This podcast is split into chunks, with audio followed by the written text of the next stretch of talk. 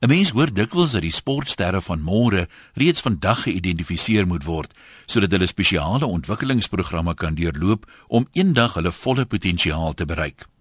Daarom is hulle kanse beter as hulle in topskole kan wees waar die beste toerusting is en waar topafrigters hulle kan slyp. En dan hoor jy van iemand soos Irene van die kerk. Hierdie arme kind se voete is op 7 jarige ouderdom so erg deur kookwater verbrand dat sy die meeste van haar tone verloor het. Nie juis 'n belovende begin vir 'n kind met atletiekdrome nie. Net soos die lewe in 'n plakkerskamp. Mense bly nie in plakkerskampe bloot omdat hulle 'n geldjie wil spaar nie. Dis 'n laaste desperate uitweg om te oorleef. Die haglike omstandighede sonder elektrisiteit en 'n kraan waar jy kan water drink as jy dors is, sal die meeste mense knak, laat staan nog hoopvolle atlete met verminkte voete. Op 15 het Irene van die Kerk egter reeds 27 goue medaljes gewen. Sonder skoene, sonder 'n hoë proteïen dieet en sonder die geriewe wat noodsaaklik geag word by die meeste skole. Sy oefen wel hard en staan 5 uur op om voor skool hulle oefensessie in te kry, maar nie in 'n lugversorgde gym nie en sonder 'n energieaanvulling.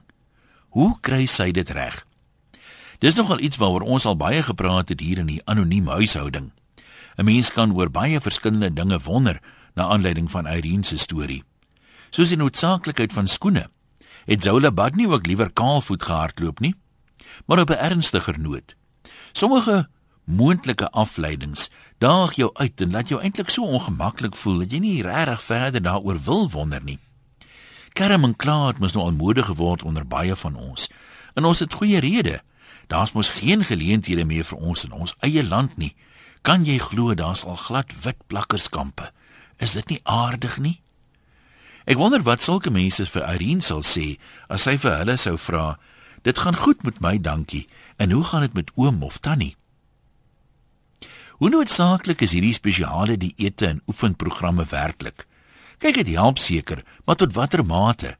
As 'n mens na Irene kyk, dan lyk dit of hy wil om die beste te wees wat jy kan wees en uit te styg bo jou omstandighede dalk belangriker is.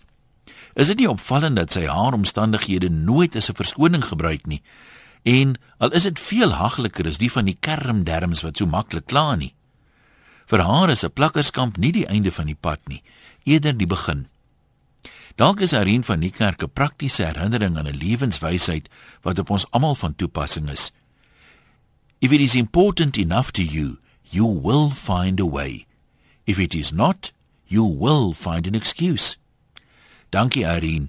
Elke slag as ek wil kla oor iets, dan dink ek aan jou. En vandat ek minder kla, lag ek ook sommer heelwat meer. Groete van oor tot oor. Anoniem.